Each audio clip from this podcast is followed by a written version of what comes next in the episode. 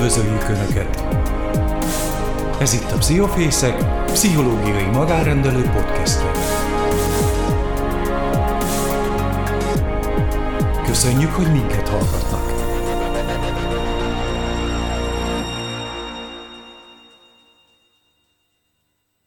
Köszöntöm a kedves hallgatókat a mai Pszichofészek podcast adásban. Péter Lá vagyok, mai beszélgető partnerem pedig Nagy Zsolt, addiktológiai konzultáns. Első kérdésem magára a szakmára vonatkozik. Mivel foglalkozik pontosan egy addiktológiai konzultáns? Köszöntöm én is a hallgatókat, és köszönöm a lehetőséget, hogy erről beszélhetek itt a Pszichofészek podcastjában. Az addiktológiai konzultáns és az addiktológiai konzultáció az szenvedély problémákkal, túlzott szerhasználattal, vagy, vagy túlzott addiktív viselkedésekkel és függőségekkel foglalkozik, pontosabban az olyan emberekkel, akik ebben szenvednek, vagy úgy érzik, hogy gondjuk van ezen a területen. Ez egy egészségügyi szakirányú végzettség, humán diplomára építhető rá. Egy két éves képzés keretében lehet megszerezni ezt az oklevelet, ami feljogosít a konzultációs munkára. És hát pont most beszéltük itt, hogy tíz éve csatlakoztam a pszichofészek néha azt szoktam mondani, istálójához, bár akkor még csak három-négy paci volt benne, az, azóta elég sokan lettünk. Úgyhogy tíz éve dolgozom a pszichofészekben konzultánsként, és hát nagyon sokáig egyedül voltam a kakuk tojása csapatban, és aztán most törvendetes módon jó pár kolléganő megjelent a, a pszichofészeknél, úgyhogy most már széles kínálattal rendelkezik ez a szakma. És milyen típusú szolgáltatásokat kínál pontosan? Ugye a szolgáltatás elsősorban azt célozza, hogy hogy megállapítsuk azt, hogy szükség van-e a szolgáltatásra. Tehát egy állapot felméréssel indul minden közös munka, ez egy vagy max. két alkalmat jelent. Ez alatt nagyjából a konzultáns képet kap arról, hogy hogy milyen súlyú az adott személy problémája, és hogy az ő kompetenciái azok alkalmasak-e arra, hogy közös munkát indítson el. És ilyenkor az alkalom végén egy visszajelzés keretében én általában elmondom, hogy hogy látom az adott személy állapotát, és hogy meg tudom-e ajánlani neki a közös folyamatot, a közös munkát. Ilyenkor szoktunk döntést hozni arról, hogy, hogy belefogunk-e ebbe a közös munkába. A másik lehetőség az az, hogy az ő állapota, mint egyébként minden más mm, szakma esetében, vagy alulról, vagy felülről túlmutat a konzultánsi kompetenciákon, tehát magyarán elképzelhető, hogy nincs olyan súlyú problémája, ami konzultációt igényel, és mondjuk egy önsegítő csoport, vagy, vagy akár egy más típusú segítés, egy kortárs mentorálás, egy peer típusú segítés, az hatékonyabbnak tűnik. Illetve van a másik lehetőség, amikor az állapota viszont olyan intervenciót kér, igényel és követel, ha úgy tetszik, ami a másik oldalon mutat túl a konzultáns kompetenciáin. Magyarán lehet, hogy bentakásos terápiára, kórházi kezelésre, rehabilitációra van szüksége. Tehát nagyon fontos, hogy, hogy jól illeszkedjen a probléma és a konzultáns kompetencia tartománya. Általában akkor szoktunk elkezdeni együtt dolgozni, hogyha ez az eset előáll, tehát fennáll, illetve a személyes ahogy mondani szokták, kémia is megvan, tehát hogy, hogy szót értünk. Ez körülbelül azért egy, egy 50 perc, vagy maximum kétszer 50 perc alatt ki szokott derülni. Ezt követően szoktunk szerződést kötni, szóban határozott időtartamra, ez általában 6 és 10 alkalom közötti időtartamra szól. Ennyi idő után szoktuk monitorozni a változást, a, a a kívánt viselkedésváltozást, és ilyenkor vagy lezárjuk a közös munkát, vagy pedig egy újabb szerződés keretében, ha esetleg menet közben más problémák kerültek elő, akkor azokat is szemügyre vesszük. Tehát a konzultánsi végzettség az a szenvedély problémák széles spektrumának a, a konzultatív segítésére feljogosít. Én személy szerint a, az alkohol problémára szakosodtam, tehát én csak alkoholbetegeket vállalok. Ez alól akkor teszek kivételt, hogyha ha mondjuk alkohol és drog együtt fordul elő az adott személynél, de az alkohol a fő választott szere. A, a kollégák, ahogy így látom, meg hallom, foglalkoznak drogproblémákkal, akár szerencsejátékkal, evészavarokkal és dohányzással, vagy akár, akár más típusú függőségekkel is. Én azt gondolom, hogy hogy szerencsés, hogyha egy konzultáns látja azt, hogy hol vannak a saját határai ebben, tehát hogy én egy kicsit úgy gondolom, hogy egy idő után óhatatlanul megérzi mindenki, hogy miben van otthon, és mi az, amiben jól tud segíteni, és mi az, ahol egy kicsit bizonytalanabbul mozog, és akkor érdemes talán azt erősíteni, ahol, ahol ő jó.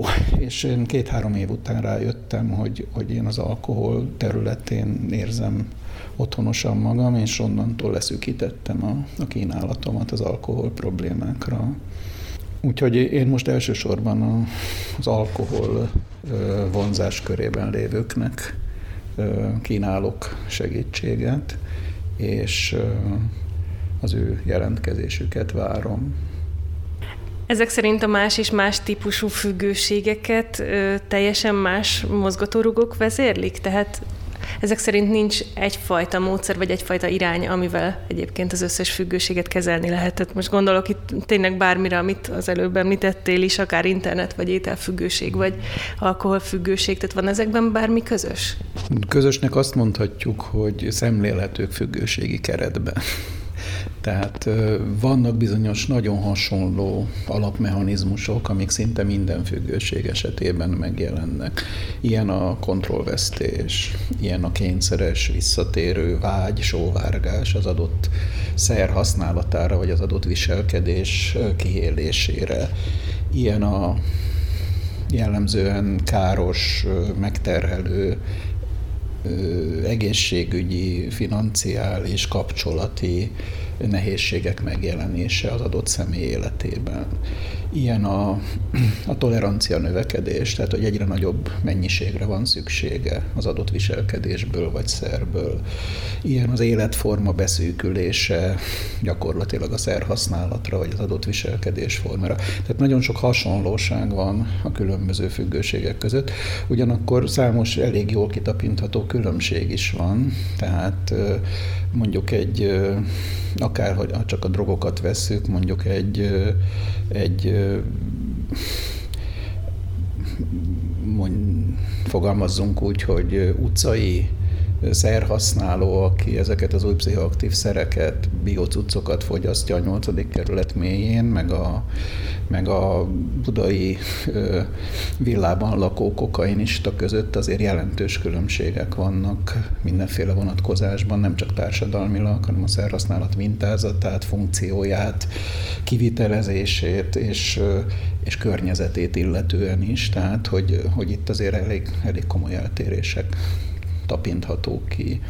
És maga a konzultációs munka egyébként nagyon hasonló minden szer vagy viselkedés esetében, viszont fontos, hogy ezekre az apró különbségekre érdemes odafigyelni. Minden ilyen drogos vagy például játékos szubkultúrának megvan a saját nyelvezete. Ugye én nagyon sokszor belefutottam abban, hogy, hogy alkohol probléma és kényszeres játék egyidejűleg fönnáll, viszont ezek többnyire 10-20 éves srácok, és ha nem tudnék angolul, akkor bizony nagyon kellett volna kapaszkodnom, hogy milyen nyelven is beszélnek ezek a fiúk. Mert hogy nem, nem nagyon lehetett követni azt, hogy, hogy ezt, a, ezt a gamer nyelvet beszélik, ami, amiben én nem vagyok például otthon. A drogos szubkultúrának is van egy sajátos nyelvezete. Tehát egy konzultánsnak nagyon sok irányba kell tájékozódnia, nagyon sokféle területet kell ha nem is alaposan ismernie, de átlátnia. Tehát például én menet közben jöttem rá, hogy, hogy nem árt, ha, ha értek egy picit a farmakológiához. Tehát amikor a kliens dobálózik a gyógyszernevekkel, akkor, akkor illik tudni, hogy miről beszél. Legalábbis mondjuk a nyugtatók, altatók, kedélyjavítók, antidepresszánsok legújabb generációját illik ismerni.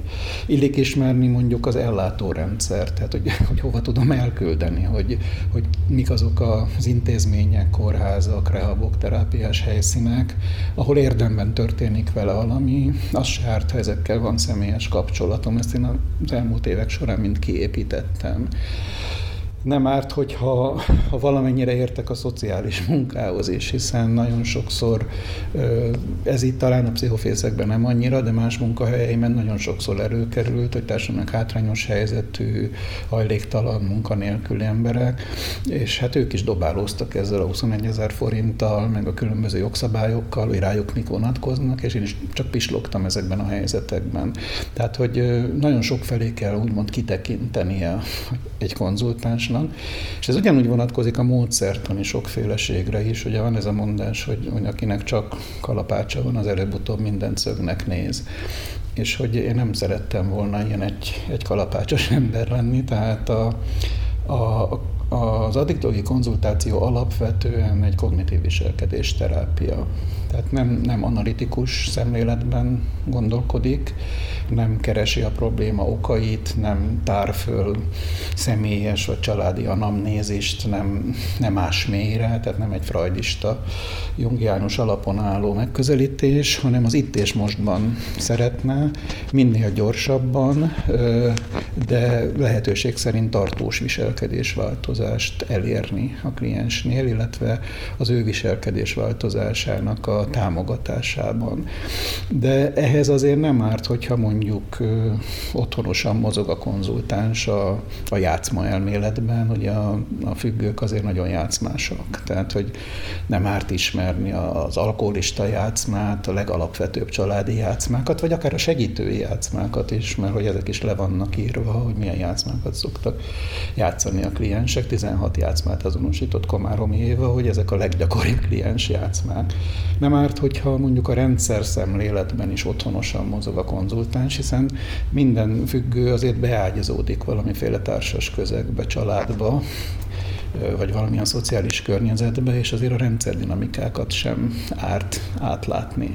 Tehát ez a fajta kitekintés az évek során nekem fontossá vált, hogy, hogy ne egy nagyon kötött protokollon, ilyen urkatöltőn olyan végig a kliens, hogy mindenki ugyanazt kapja, hanem hogy ezekre a finomságokra, különbözőségekre is tudjak figyelni a munkám során. Mik a leggyakoribb rizikófaktorai a függőségnek? Ugye az első interjú során azért én körbe kérdezem a klienseket a, a személyes élettörténetüknek néhány kulcsmozzanatára, a családi háttérre is rá szoktam kérdezni, és hát elsőként mindenképp azt érdemes említeni, hogy a, a családi halmozódás az egy nagyon erős hajlamosító tényező. Ugye azt szokták mondani, hogy szenvedélybetegek családjában hát négyszer, ötször gyakoribb az, hogy a következő generáció is valamilyen módon kötődik majd a szenvedély problémákhoz. Ez néha szerváltásban nyilvánul meg, tehát mondjuk alkoholisták gyerekei többnyire drogosok szoktak lenni, ha szabad ilyet mondani, és van olyan, hogy kimarad egy nemzedék, és a nagyszülők szintjén volt jelen a szenvedély probléma, mondjuk egy lóversenyező nagypapa, és akkor egy, egy alkohol problémás, vagy játékfüggő unoka. Tehát, hogy a család, mint, mint elsődleges hajlamosító tényező. A szociális környezet ö, sem közömbös, tehát, hogy honnan érkezik valaki, mikor volt az első találkozása a szerrel, mikor volt a, az az első döntő epizód, amikor, amikor rájött arra, hogy, hogy az adott szerv vagy viselkedés olyan érzéseket, olyan ö, megkönnyebbülést, olyan eufóriát okoz a számára, hogy ebből egy életre szóló szerelem születik. Általában meg szoktam kérdezni, hogy vannak-e kiemelkedő állomásai az úgynevezett drogos vagy alkoholista karrierjének. Az általában mindenkinek vannak ilyen emlékezetes, becsípődött epizódjai, hogy, hogy igen, hát akkor, akkor amikor ott, ott bennült a két gyerek hátul, és úgy mentem haza részegen, akkor az azért nagyon, nagyon fájt. Vagy amikor, amikor az asszony kipakolta először a bőröndömet az ajtó elé, vagy amikor először hivatott be a főnököm. Tehát, hogy, hogy ezek azért nagyon megmaradnak általában egy, egy szenvedélybeteg memóriájában. Alapvetően egyébként azt látom, hogy a, hogy a, az egész mai ilyen posztmodern fogyasztói kultúra az nagyjából a függőségek irányába tol mindenkit. Tehát, hogy nagyon erős az a, az a mesterségesen felkeltett szükséglet halmaz, ami, ami a túlfogyasztásról, a, a túlhasználatról, az állandó jókedélyről, a, a buli van, hepik vagyunk, pörgünk, léthelyzetéről szól. Tehát igazán igazából azt kell, hogy mondjam, hogy a, a mai társadalom az gyakorlatilag a függőség irányába nevel.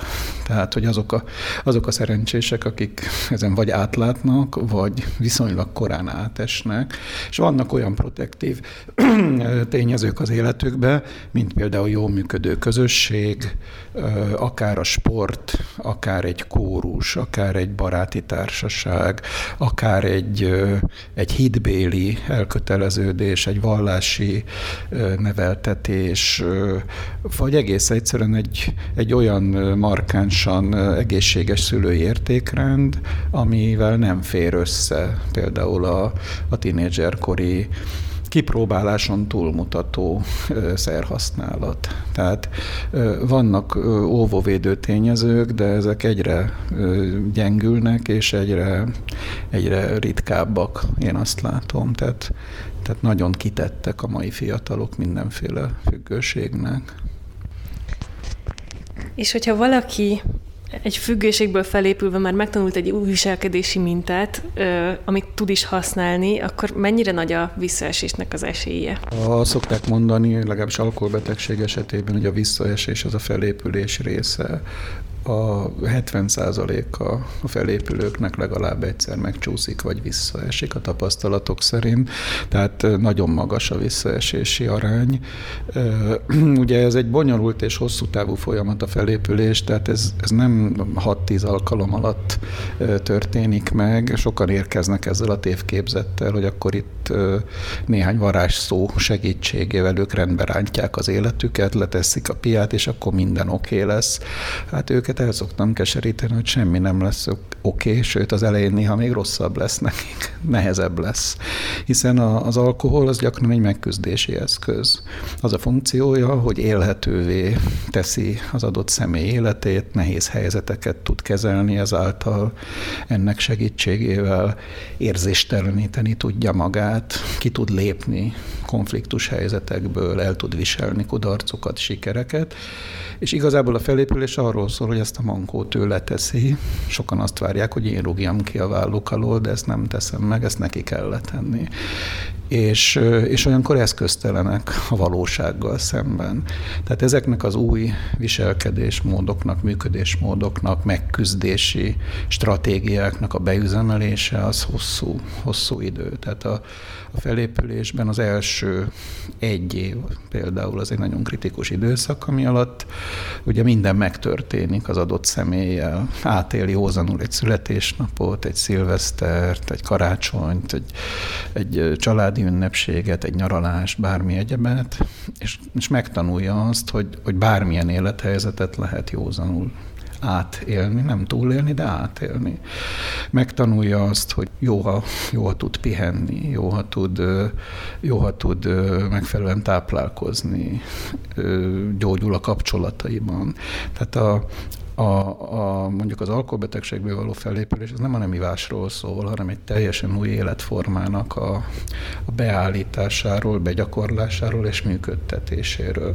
Ebből is következik, hogy azok számára, akik, akik függők, ez egy élethosszig tartó feladat. Most a visszaesés és a megcsúszás közötti különbséget még röviden elmondanám. Megcsúszásnak azt tekintjük, amikor valaki epizódikusan egyszer mm, figyelmetlenségből, kihagyásból véletlenül újra a szerhez nyúl, mert hogy nem talál más megküzdési eszközt, egész egyszerűen átmenetileg visszarendeződik. Ez jó esetben egy alkalmat jelent, és utána visszatér a felépülési programhoz, ezt kiértékeli, átbeszéli a segítőjével, vagy az önsegítő csoportban, és a tanulságait tovább viszi a jövőre. Visszaesésnek azt nevezzük, amikor valakinek az életvitele visszarendeződik a, a függő működésmódra, tehát adott esetben elkezd kimaradni a munkahelyéről, hetekig tovább viszik, elveszíti a, a családját, és és, visszarendeződik erre az alkoholista működésmódra. Ugye a klienseim gyakran használják a visszaesés kifejezést, ilyenkor ki szoktam javítani őket, hogy, hogy visszaesni akkor lehet, hogyha már valamit elkezdtem felépíteni, ők általában inkább csak folytatják az ivást kisebb szünetekkel.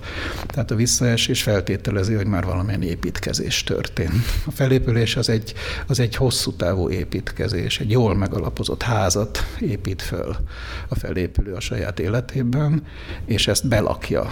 És hogy ez ehhez ez azért jó, hogyha van támogatása, ami például már nem biztos, hogy itt zajlik a rendelőben, hanem egy önsegítő csoportban, anonim alkoholistáknál, névtelen drogosoknál, szerencsejáték függők önsegítő közösségével, vagy bármilyen más csoportban. És miután a függőség a magánybetegsége, vagy az elmagányosodás betegség, ezért kulcsfontosságú a az outreach, tehát a segítségkérés, az, hogy, hogy valaki kérjen segítséget, és el is tudja fogadni a segítséget, mert ez nem ugyanaz. Én nagyon sokszor találkozom olyannal itt a rendelőben, hogy valaki kéri a segítséget, de nem tudja elfogadni, vagy nem akarja elfogadni. Tehát, hogy, hogy hallja, amit mondok, de esze ágában nincs bármit is csinálni.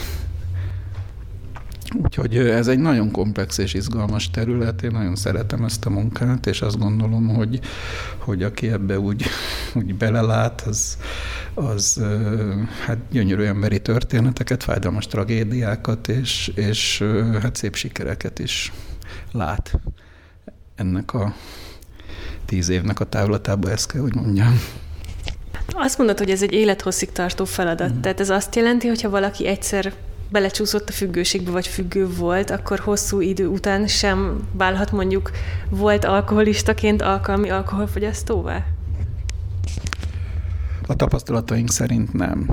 Ez a rövid válasz, tehát, hogy akinél kialakult a kémiai függőség, és, és fizikailag és, és pszichésen is függővé vált, annak a számára úgy tűnik hogy szinte kivétel nélkül elveszett a, a mérséklet vagy mértékletes használat lehetősége. Tehát, hogy, hogy, hogy nem lehet kovászos uborkából újra nyers uborkát csinálni, ez egy irreverzibilis folyamat a kémia nyelvén, akinél kialakult a függőség, az élete végéig függő marad. Ez olyan, mint a cukorbetegség. Nagyon hasonló, hogy tünetmentesen lehet tartani, de nem múlik el a tünetmentesen tartást, azt ugye józanság munkának, felépülésnek nevezzük. Tehát gyógyult alkoholistáról én nem szoktam beszélni, felépülőben lévő szenvedélybetegről vagy alkoholistáról annál inkább, és a, a felépülésben van egy nagyon komoly különbség a szárazság meg a józanság között. Ugye száraz alkoholistának azt nevezzük, aki nem iszik, de megpróbálja megsporolni ezt a változási folyamatot. Tehát lerakja a piát, de egyéb nem történik vele. Ez egy nagyon nyomorúságos, szomorú állapot, mert tulajdonképpen egy megközdési eszközt elvettek tőle, vagy lerakott magától, de nincs másodfokú változás az életébe. Tehát a rendszer egy eleme változott meg, de maga a rendszer az változatlan maradt. És ugyanolyan keserű, csalódott, feszült, összeférhetetlen, ingerült lesz. Egy száraz alkoholistát nagyon könnyű kiszúrni egyébként, rettenetes a társaságában lenni. Egy józan alkoholista ezzel szemben építkezésben van, változásban, kiteljesedésben, életben, önismereti munkában, kapcsolati gyógyulásban, és ez számára egy örömteli állapot. Tehát a, itt az életminőség a döntő kérdés, hogyha ha, ha jobb az életminőségem józanul, mint piásan, akkor nem lesz okom visszainni mert hogy a jobb életminőséget hajkurázta mindenki az ivással, de ha, de ha ezt eléri józanul, akkor egyszerűen okafogyottá válik az alkoholfogyasztás. Tehát x éves józanon jó esetben már nem napi fogcsikorgató küzdelem az, hogy ne igyak, hanem már másról szól a történet, egy építkezési folyamatról. És mennyire vonhatók be egy ilyen gyógyulási folyamatba a hozzátartozók? Tehát, hogy eljöhetnek ők is akár a konzultációra? Uh-huh. Egy nagyon fontos kérdés, mert ugye szokták mondani, hogy az alkoholizmus az családi betegség. Tehát, hogy egy alkoholista megbetegíti a környezetét, és nagyon nagy terhet rak rájuk.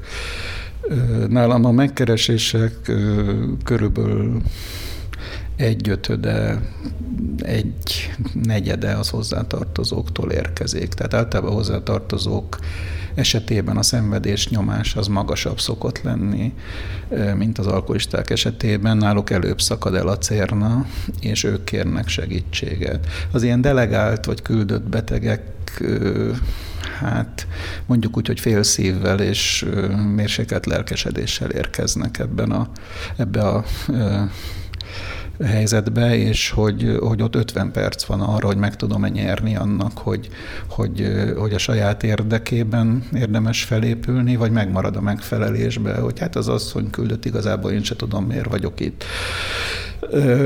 Ezek a helyzetek jóval nehezebbek, és hát minimum két esélyes a kimenetelők.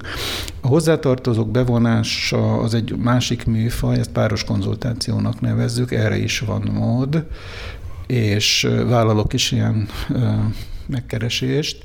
Ez általában akkor hatékony, hogyha konszenzuális, az a legritkább egyébként, amikor mind a ketten észrelik, hogy probléma van. Javítani szeretnének a kapcsolaton, mind a ketten motiváltak, mind a ketten eljönnek, és mind a ketten dolgoznak rajta. Ez, hogy szokták mondani, hogy Szóval nagyon szoros kivétel. Egyébként pont tegnap volt nálam egy ilyen pár, akik engem is megleptek azzal, hogy, hogy mennyi munkát raktak az eltelt egy hónapba, és, és hogy mekkora változás állt be a kapcsolatba pusztán annak mentén, hogy a férfi jelentősen mérsékelte az ivását.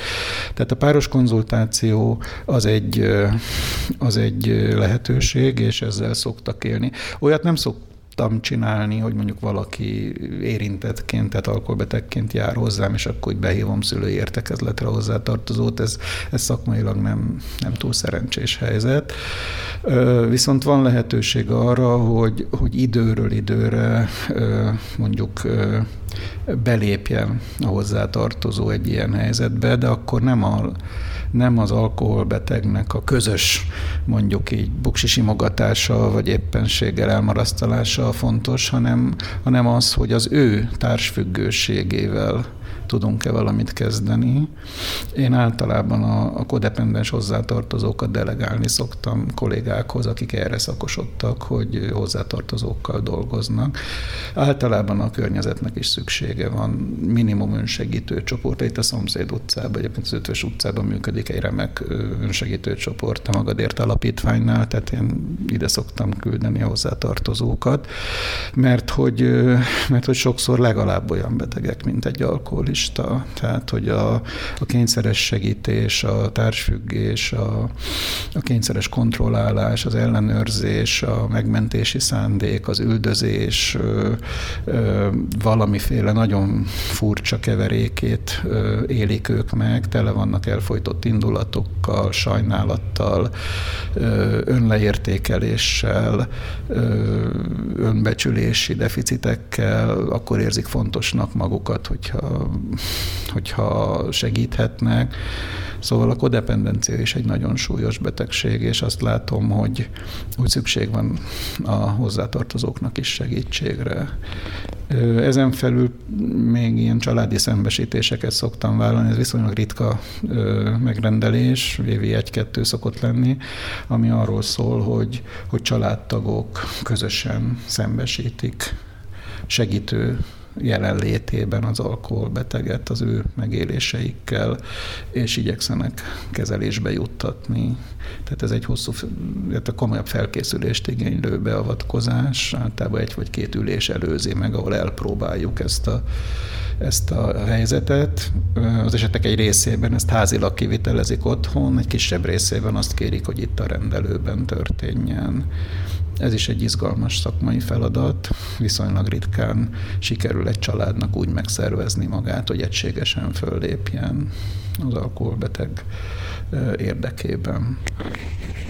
Az egyéni utakról esetleg tudnál még egy kicsit mesélni, amiket tapasztalsz a munkád során?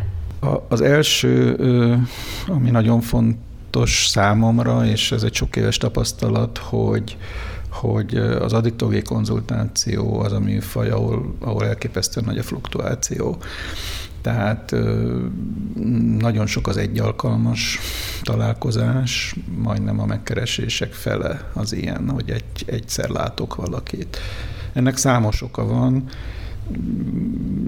eltérő motivációval érkeznek a kliensek, tehát van, akit ugye a család tuszkol be, ott már eleve nehezebb a helyzet, van, aki azért jön, hogy, hogy kimondassa velem, hogy, hogy semmi problémája nincsen, van, aki azért jön, hogy kimondassa velem, hogy ő menthetetlen, van, aki azért jön, hogy, hogy hova lehetne befeküdni, van, aki gyógyszert akar iratni, van, aki szakvéleményt akar kérni vállóperes tárgyaláshoz, vagy elvet jogosítványhoz. Hát sokféle dolog miatt jönnek hozzám a kliensek. De a klasszikus esetben, amikor zajlik egy ilyen 6-10 alkalmas konzultáció, ami a tankönyvekben benne van, akkor utána általában elköszönünk egymástól, hogyha mind a ketten úgy érezzük, hogy, hogy az elegendő volt és hát onnantól kezdve először megritkulnak a találkozások, majd egy idő után megszűnnek. Hát ez a kigondozási vagy terminálási szakasza a, a konzultációnak, és hát én előszeretettel ajánlom az önsegítő csoportokat a, a klienseimnek, és egy részük az be is csatlakozik az önsegítő csoportokba, és ezekkel én is kapcsolatban állok különböző csatornákon keresztül, tehát érkeznek visszajelzések arról, hogy, hogy ki az, aki stabilan talpon van, józan, hosszú ideje Szoktak SMS-ek érkezni, telefonok, üzenetek, évfordulókon, köszönő levelek, e-mailek, jól vagyok, nagyon köszönöm, sokszor eszembe jut, stb. Tehát, hogy vannak visszajelzések. Egy része a klienseknek lemorzsolódik, tehát ilyen-olyan-olyan okok miatt idő előtt kipörög a, a konzultációs folyamatból. Ennek lehet oka megcsúszás, lehet oka visszaesés, lehet oka anyagi probléma, ez nagyon ritka egyébként, tehát hogy egy kezemen meg tudom számolni, hogy hányan mondták azt, hogy ne haragudjon nekem, erre most nem telik. Tehát, hogy, hogy viszonylag ritkán fordul ez elő, Viszont az hogy, az, hogy a család visszatolja az ivás felé, vagy a környezet bedarálja, és újra iszik, és eltűnik, és az elsőt még lemondja, a másodikat már nem. Tehát, hogy, hogy ez egy nagyon gyakori forgatókönyv. Gyakori ö, forgatókönyv az, hogy én javaslom, hogy terápiás intézménybe menjen be, mert hogy, hogy ez már nem, tehát hogy ez túlmutat a konzultatív kereteken. Ilyenkor szoktam ajánlani intézményt, és onnan is szoktam visszajelzést kapni, hogy valóban bement, befeküdt, végigcsinálta a talpon van, jár az önsegítőbe, jól van.